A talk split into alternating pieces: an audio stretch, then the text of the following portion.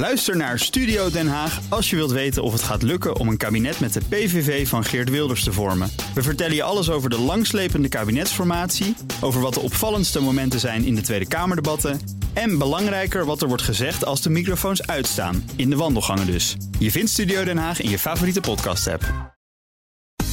Mobility Update.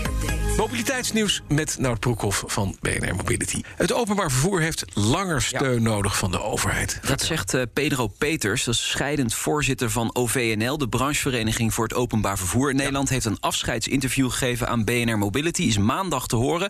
Nou, de huidige steunmaatregelen lopen tot september. Uh, het gaat om die beschikbaarheidsvergoeding. Hè. Het OV is aangemerkt uh, als essentieel, cruciaal belang voor Nederland.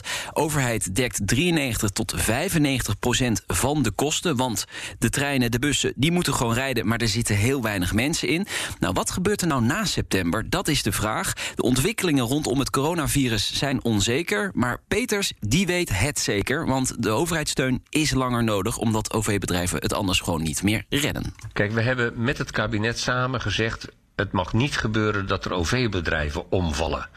Dat kan de BV Nederland zich gewoon niet veroorloven. Dus we moeten zorgen dat niet alleen de grote jongens zoals de NS en Arriva, maar ook de kleinere uh, OV-bedrijven, dat die wel goed door, die, door de dal heen komen.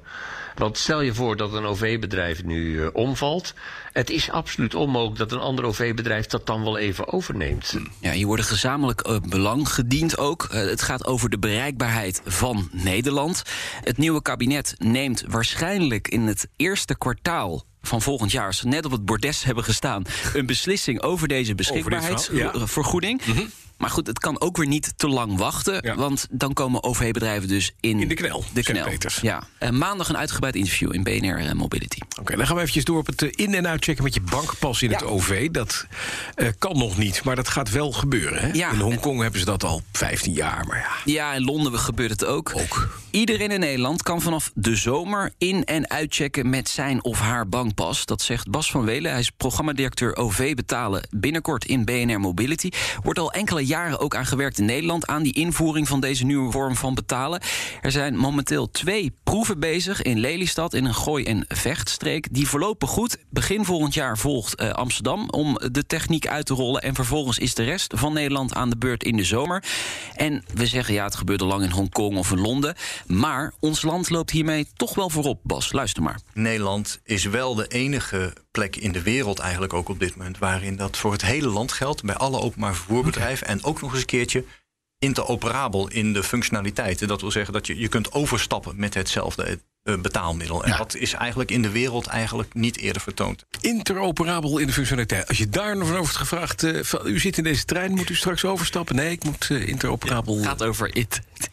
over overstappen, inderdaad. Ja, maar goed, we lopen een keer in Nederland ergens mee voorop. Voorop. Nou, joh, innovatie in het openbaar vervoer. Je verwacht het niet. Nee. Nee. Maar toch. Dan heb je nog een nieuwtje over busfabrikant Ebusco. Ja, elektrische bussen ja, bouwen ze daar. Uit Deurne. Ja, lichtgewicht elektrische bussen. Uh, beursgenoteerd natuurlijk ook. Geld opgehaald, een nieuwe fabriek gebouwd. En nieuwe orders. Uh, het grootste openbaar vervoerbedrijf van Berlijn, de BVG. Ik zal het niet in het Duits uitspreken, want mijn Duits is niet zo goed. Hebben 90 bussen besteld uh, van de 2.2-versie. Dat vind ik dan weer jammer, want ze hebben die niet 3. Ja. Nee, die 3.0. Ja. Dat is de ja, meest futuristische bus die er op dit moment is. Uh, maar goed, dat doen ze dus niet. En er zijn nog meer orders geschreven. Ook in Frankfurt en in Kopenhagen gaat Ibusco bussen leveren. Dus ja, zij gaan hard, hè? Wat weet je wat wel mooi is? Het begint pijn te doen, denk je, bij de Chinezen. Die BYD leverde namelijk gewoon elektrische bussen. Een van de eerste aan dat Londense vervoersnetwerk. En langzamerhand komt deze, deze Nederlandse partij, die komt gewoon op. Ja, zo slim om hierop in te spelen. Hè? Ja. En met lichtgewicht. Ja, maar ook wel weer slim bedacht ook hoor. Ja. Er zitten wel knappe jongens en meisjes daar in Deurne ja. te sleutelen. Mag wel trots op zijn. Ik wil een keer een rondje rijden in zo'n bus als chauffeur. Lijkt me heel erg leuk. Nou, moet je even naar Berlijn, kaartje kopen bij een En dan kan je lekker interoperabel functioneel overstappen. Zin in. Ja, ja, ja. ja, ja. Zo. Hey. Nou, Broekhoff, dankjewel. Maandag half vier, nieuwe aflevering van BNR Mobility. BNR Mobility Update wordt mede mogelijk gemaakt door ALD Automotive, Ximo en Mobink. Mobink. Shift Forward. Ook Thomas van Zeil vind je in de BNR-app. Je kunt live naar mij luisteren in Zaken doen, de BNR-app met breaking news, het laatste zakelijke nieuws en je vindt er alle BNR-podcasts, bijvoorbeeld Het Nieuwe Geld. Download nu de gratis BNR-app en blijf scherp.